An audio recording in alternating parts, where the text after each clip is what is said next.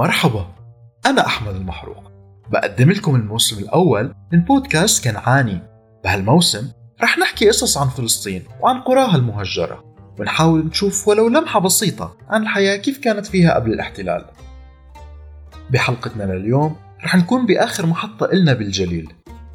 ومن قضاء الناصرة رح نحكي عن قرية صفوريا.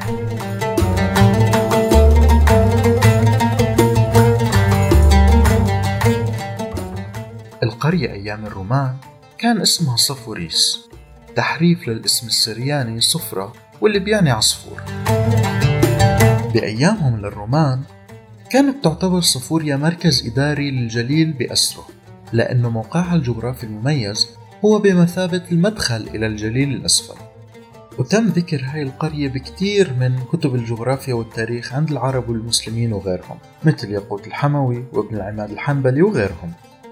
هذا غير انها بالعصور الإسلامية خرجت كثير من العلماء واللي ضاع صيتهم بالقضاء خصوصا بسوريا ولبنان. بسنة 1745 بنى الظاهر عمر الزيداني واللي حكم شمال فلسطين ومنطقة الجليل لفترة بنى له قلعة على ذروة التل اللي بيعلو صفوريا. وبالقرية كمان مبنية كنيسة القديسة حنة. على أطلال كاتدرائية ضخمة بتعود للقرن السادس للميلاد. صفوريا كانت تعتبر كبرى قرى قضاء الناصرة من حيث عدد السكان ومساحة الأرض.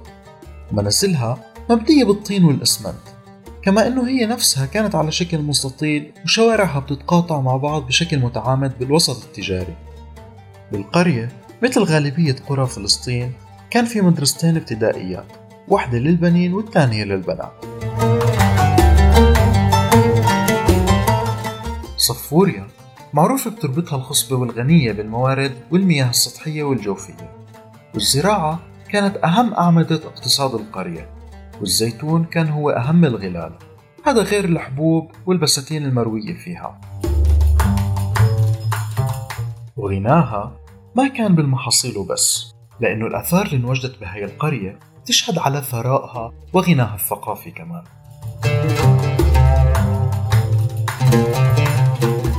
بتشدد الروايات الإسرائيلية متعلقة باحتلال صفوريا على شهرتها بمقاومة القوات الصهيونية وانذكر أول هجوم على صفوريا بصحيفة نيويورك تايمز اللي أوردت بلاغ أصدره سلاح الجو الإسرائيلي يحكي فيه عن إصابات مباشرة تسجلت بالقرية يوم 30 أيار مايو عام 48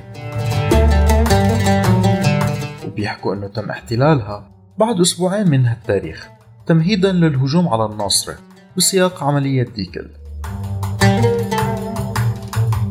عرب صفوري معروفين بالجليل إنهم كانوا محاربين أشداء وبيذكر المؤرخ الإسرائيلي بن موريس أن القرية قاومت تقدم الجيش الإسرائيلي بمقاومة شديدة جدا.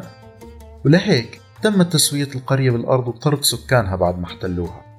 أما من زاوية تانية فروى سكان من قرية صفوريا للمؤرخ الفلسطيني نافذ نزال أنه ثلاث طائرات إسرائيلية قصفت القرية بليلة 15 تموز يوليو. كانت ترمي هاي الطيارات براميل محشوة بالمتفجرات وشظايا معدنية ومسامير وأزاز. وبهاي العملية انقتل عدد من سكان القرية وانجرح عدد تاني.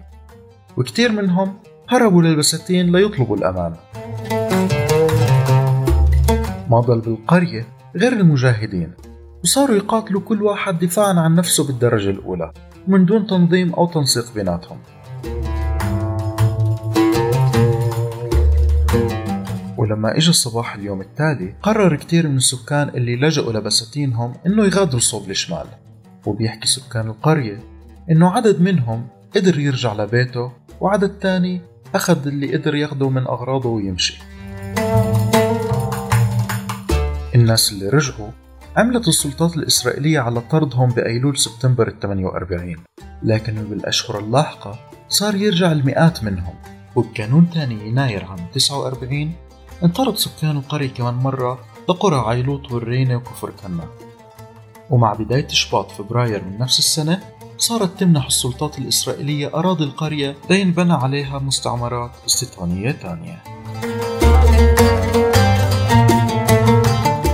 اليوم ما ضل بالقرية غير أكم من بيت. بقية موقعها صارت تغطيه غابة من الصنوبر غرس الصندوق القومي اليهودي. وما ضل من آثار القرية اللي كانت موجودة ما قبل الاحتلال عام 48 اليوم غير كنيسة للروم الأرثوذكس وقلعة الظاهر عمر اللي لساتها قائمة على التل الموجود بالقرية. أما المقام القديم واللي كان موجود فيها صار اليوم عبارة عن كنيسة لليهود. بالقرب منه صار في مقبرة إسرائيلية حديثة. هذا غير المستوطنات الزراعية والاستيطانية اللي انبنت على أراضي القرية. أهالي قرية صفوريا حاولوا كتير وكتير إنهم يرجعوا لأرضهم وبيتهم لحتى اليوم صاروا لاجئين بالدول العربية مثل لبنان وسوريا. لكنهم مهما بعدوا ومهما مر من الوقت أيام إلا إنهم متأكدين إنهم لأرضهم راجعين. لأنه هذا الحق حق مقدس ووعد من عند رب العالمين. كنت معكم أنا أحمد المحروق. قدمت لكم هاي الحلقة من بودكاست كنعاني.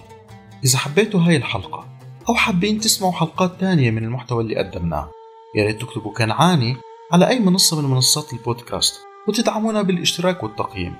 وتشاركوا الحلقة مع أصحابكم خليهم يتعرفوا على المحتوى والمواضيع اللي بنقدمها بهذا البودكاست. الشكر الكبير للموسيقي الفلسطيني نزار روحانا واللي موسيقاه عم ترافقنا كخلفية طوال حلقات هذا الموسم واللي هي من الأساس من أغنية يا رايح صوب بلادي الموسيقي اللبناني أحمد قعبور. شكرا لحسن الاستماع نلقاكم مع بودكاست كنعاني جديد. يا رايح صوب بلادي دخلك وصي السلام بلغ أهلي وولادي مشتاق لهم رب الحمام وقلبي